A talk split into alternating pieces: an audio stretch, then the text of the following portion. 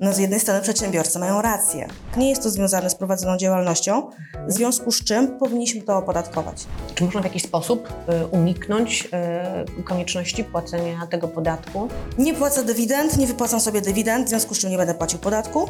Innymi słowy, czynsz nie powinien być ani za niski, ani za wysoki. Jeżeli mamy zawartą e, umowę e, zlecenie, to my według prawa bilansowego musimy ją wykazać w księgach rachunkowych we wrześniu, ponieważ tego okresu dotyczy. To zależy. Proste odpowiedzi na złożone pytania w biznesie. Dzień dobry. Zapraszam Was dzisiaj do pierwszego odcinka serii eksperckiej. Dziś moim gościem jest pani Martyna Bąk, prezes zarządu y, Kancelarii Księgowej ML Księgowość w Warszawie. Będziemy wspólnie dzisiaj rozmawiać o prawnych i finansowych aspektach związanych tak zwanym CIT-em estońskim. To powszechna nazwa dla ryczałtu od dochodów spółek. Przede wszystkim skupimy się na wyzwaniach związanych z tą formą opodatkowania, a jak wiadomo, nie wszystko złoto, co się świeci. Zanim jednak przejdziemy dzisiaj do naszej rozmowy, to jest dobry moment na zatrzymanie się dla algorytmów YouTube. Jeżeli jeszcze nie subskrybujesz naszego kanału, to zależy, to to jest właściwy moment. Kliknij w dzwoneczek poniżej. Pani Martyno, dziękuję bardzo za przyjęcie zaproszenia na Również dzisiejszą dziękuję. rozmowę. E, Od 12 lat e, Pani Biuro Rachunkowe wspiera klientów, przede wszystkim spółki prawa handlowego, no, w coraz, coraz trudniejszych e, meandrach prawa podatkowego. Proszę powiedzieć na początku, na czym polega w ogóle fenomen CIT-u estońskiego? Osobiście uwielbiam CIT estoński. E, Wielu przedsiębiorców kontaktuje się ze mną po wizytach w kancelariach podatkowych z gotową sugestią, że oni od razu przechodzą na CIT estoński. Zawsze w takich sytuacjach pytam e, klienta, przedsiębiorcę o to, co w zasadzie z takiego spotkania e, zapamiętał, co wyniósł. No i 100% odpowiedzi brzmią bardzo podobnie, to znaczy nie płacę dywidend, nie wypłacam sobie dywidend, w związku z czym nie będę płacił podatku. To raz. Albo informują mnie, że z uwagi na to, że w CIT estońskim efektywna stawka podatkowa jest niższa, nie po to pracują, żeby oddawać wszystko do budżetu państwa. No właśnie, tutaj tkwi pułapka, ponieważ my wiemy, że podatek płaci się niestety nawet jeżeli jest w inny sposób e, dystrybucja zysku ze spółki, nie tylko jeżeli przybiera postać e, dywidendy. E, No to proszę powiedzieć właśnie, z czym CIT estoński wiąże dochód do opodatkowania, z jakimi tutaj kategoriami e, różnych czynności? No przede wszystkim musimy pamiętać o tym, że CIT estoński dochód do opodatkowania wiąże z prawem e, bilansowym, nie z prawem podatkowym, do którego I to jesteśmy jest podstawowa różnica chyba. Mhm. zasadnicza i podstawowa. Niestety wiele księgowych, e, wiele służb finansowo-księgowych skupia swoją edukację, pogłębia wiedzę tylko z zakresu em, roszczenia podatkowego, no bo tego od nas oczekuje rynek. Mhm. Stosują wówczas tak zwaną rachunkowość podatkową, która przy CIT estońskim nie na wiele się przydaje. Mhm. Drugi aspekt, który powinniśmy, o którym powinniśmy pamiętać i e, o, który powinniśmy tutaj poruszyć, to jest właśnie to, co Pani powiedziała. Tak? Musimy zmienić swój tok rozumowania i swój tok rozumienia zysku do opodatkowania na różne kategorie. Pierwszą z nich jest taka nasza właśnie tradycyjna e, kategoria, tak? czyli podział zysku. Jesteśmy w CIT estońskim, osiąga, nasza spółka osiąga zysk, płacimy sobie dywidendę albo pokrywamy stratę z lat ubiegłych tym wypracowanym zyskiem, płacimy podatek. To raczej jest standardowe rozwiązanie i nikogo nie zadziwi. A co na przykład e, z zaliczkami na poczet e, dywidendy? Czy one też podlegają wówczas opodatkowaniu? Tak, również podlegają opodatkowaniu. Czyli wiemy, że e, wypłata dywidendy albo zaliczek na poczet dywidendy w spółce no rzeczywiście podlega opodatkowaniu. A co z tak zwanymi ukrytymi zyskami? Co to w ogóle jest? Jak to można zakwalifikować? Czy jest jakiś wydatek ukrytym zyskiem, czy też nie? Ukryte zyski to tak naprawdę wszelkie świadczenia pieniężne i niepieniężne wypłacane na rzecz właścicieli albo osób, podmiotów z nimi związanych. Mhm. Nie ma w ustawie żadnej definicji, co to jest. Tak naprawdę jest to katalog otwarty, w związku z czym tylko i wyłącznie od e, interpretacji oceniającej strony zależy, czy coś zostanie uznane jako e, ukryty zysk, czy nie. A dajmy jakieś może przykłady, tak? E, Co może być takim ukrytym e, zyskiem? Nie wiem, po- pożyczka na przykład od spółki do wspólnika? w pewnych okolicznościach może być. Okej. Bardziej popularnym przykładem em, jest chociażby użytkowanie samochodów osobowych. Mhm. Jesteśmy przyzwyczajeni e, obecnie do tego, że przedsiębiorcy em, niecały koszt, niecały wydatek związany z eksploatacją samochodów osobowych może rozliczyć w swoich księgach.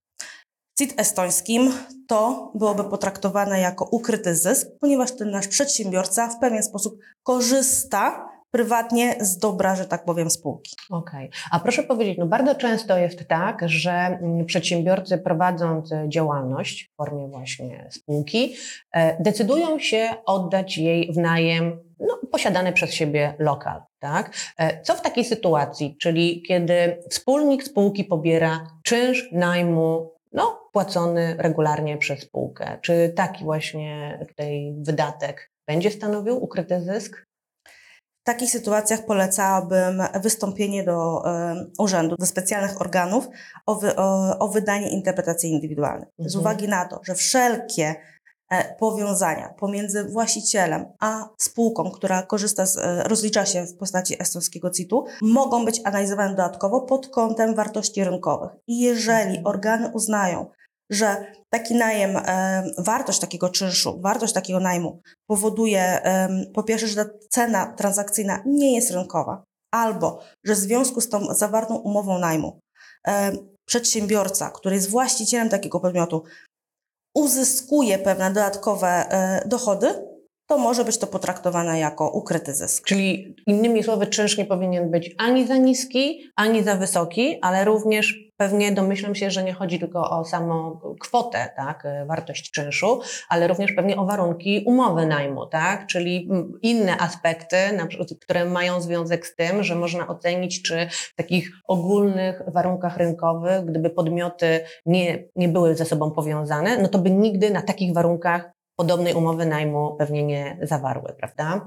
Tak, powinniśmy ocenić, czy zapisy w naszej umowie najmu nie są bardziej korzystne tylko dlatego, że e, korzystamy z najmu prywatnego właściciela. To ja mam jeszcze jedno pytanie. A co y, z tak zwanymi powtarzającymi się świadczeniami niepieniężnymi? Jest to jeden ze sposobów y, dystrybucji właśnie zysków, jakie osiąga spółka do wspólnika.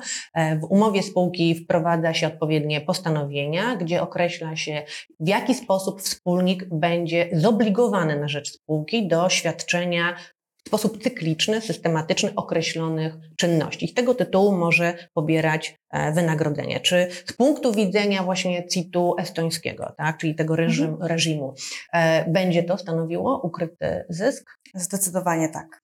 Czyli tu już mamy raczej przesądzoną, tak, Tak, interpretację. zdecydowanie. Okej, a proszę powiedzieć jeszcze właśnie, mamy e, tak zwaną kategorię wydatków niezwiązanych z działalnością gospodarczą. Jakie to mogą być wydatki właśnie i jak wpływają na CIT estoński?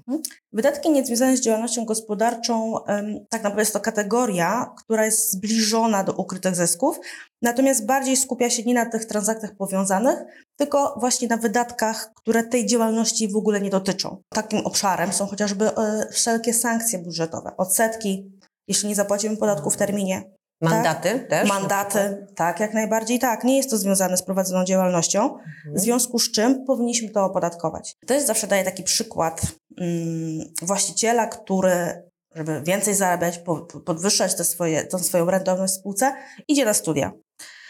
W momencie, kiedy wybiera profil zgodny z, z działalnością swojego podmiotu, z działalnością swojej firmy, to mamy ukryty zysk. Z uwagi na to, że on coś od tej spółki dostaje, ponieważ to spółka reguluje y, ten czynsz. Tak? A, tą płatność, tak? Tą Te płatność. studia. A, okej. Natomiast jeżeli on wybierze profil działalności całkowicie niezwiązany z tym, e, profil studiów całkowicie niezwiązany z tym, co, e, czym zajmuje się e, jego firma, są to właśnie wydatki niezwiązane z prowadzoną działalnością. Czyli tutaj w tym obszarze bardziej analizujemy wypływy z rachunku bankowego czy z kasy spółki pod kątem, czy rzeczywiście ten wydatek jest związany z tą firmą. Czyli dlatego właśnie księgowi, dobrzy księgowi dopytują się, a po co był ten wydatek, na co był ten wydatek, tak? Tak. Nasze Dobrze. ulubione pytanie. Przez ostatnie dwa miesiące istnienia kanału przybyło Was prawie tysiąc osób. Nasze filmy i podcasty oglądane są coraz chętniej, a komentarze i polubienia jednoznacznie wskazują, że treści, które dla Was tworzymy, przypadają Wam do gustu. To tylko motywuje nas do jeszcze cięższej pracy i bardzo serdecznie zachęcamy do subskrypcji i aktywności na kanale.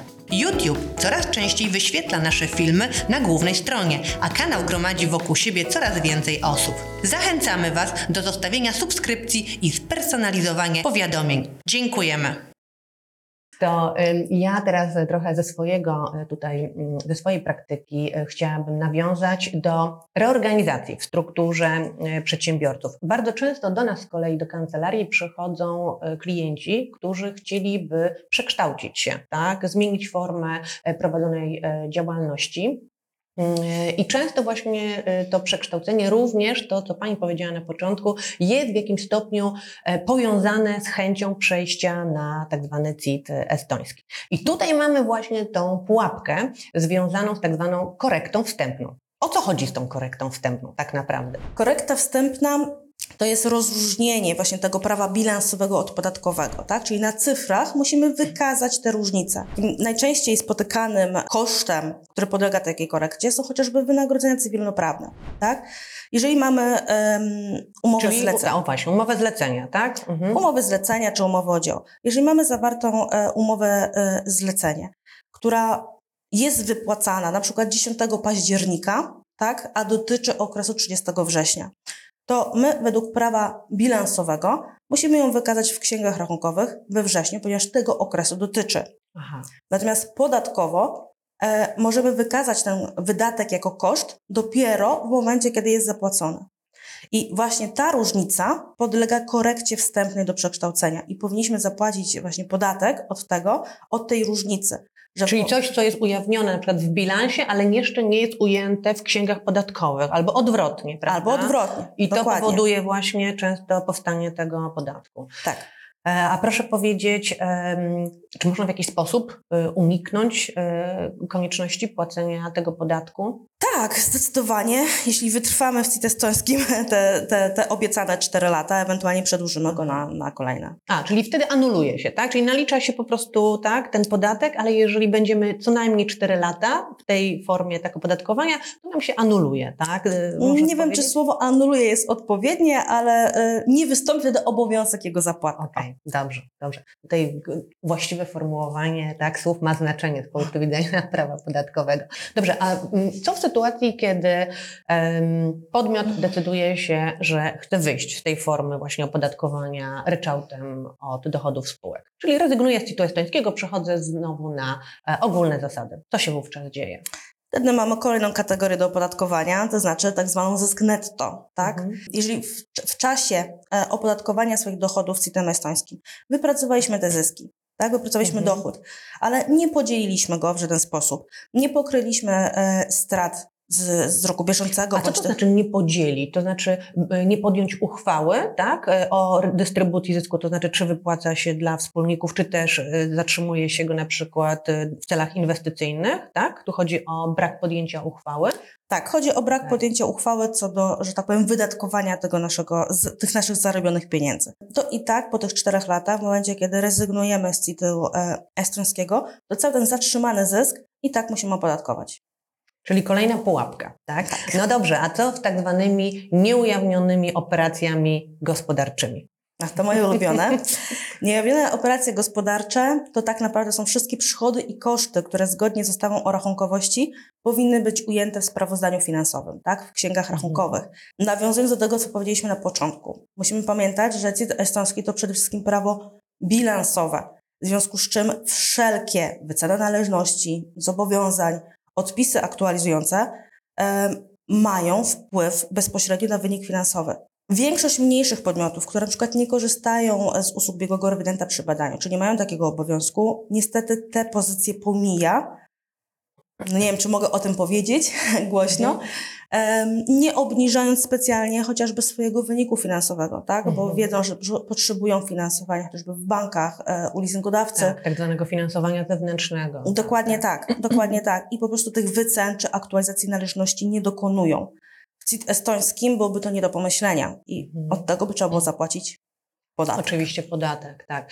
To jeszcze e, tytułem uzupełnienia, e, jeżeli tutaj ktoś będzie chciał przejść na CIT estoński, a będzie to związane właśnie z reorganizacją jego formy dotychczasowej prowadzenia e, działalności, to trzeba zwrócić uwagę na jedną rzecz, a mianowicie, że jeśli załóżmy przekształcenie jednoosobowej działalności gospodarczej załóżmy w spółkę z OO, e, nastąpi według takich zwanych zasad kodeksu spółek handlowych związanych mhm. z sukcesją uniwersalną, to wówczas można od razu przejść na CIT estoński. Natomiast e, w sytuacji, gdy na przykład przekształcenie wiąże się z utworzeniem spółki ZO i wniesieniem aportem całego przedsiębiorstwa jednoosobowej działalności do takiej spółki, no to wówczas e, niestety mamy taki okres karencji, tak? Będziemy mogli zdecydować się na ten CIT estoński dopiero po dwóch latach od momentu, tak, wniesienia aportu do spółki, tak? tak. E, tutaj w ten sposób.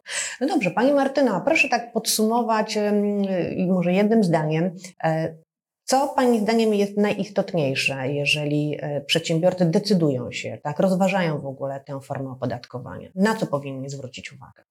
Grunt to świadomość, na czym tak naprawdę ten CIT estoński polega. E, wybierając, e, wybierając tę formę opodatkowania swoich dochodów, przede wszystkim należy zwrócić uwagę na sposób i może trochę jakość dokumentowania własnych transakcji. Musimy się sami zastanowić najpierw, czy i czego oczekujemy od tego CIT estońskiego. Musimy pamiętać, że zarówno CIT estoński, jak i fundusz inwestycyjny został wprowadzony dla przedsiębiorców, czy z myślą o przedsiębiorcach, którzy chcą inwestować e, swoje dochody, a za samą zapłatę podatku odroczyć do momentu zakończenia inwestycji.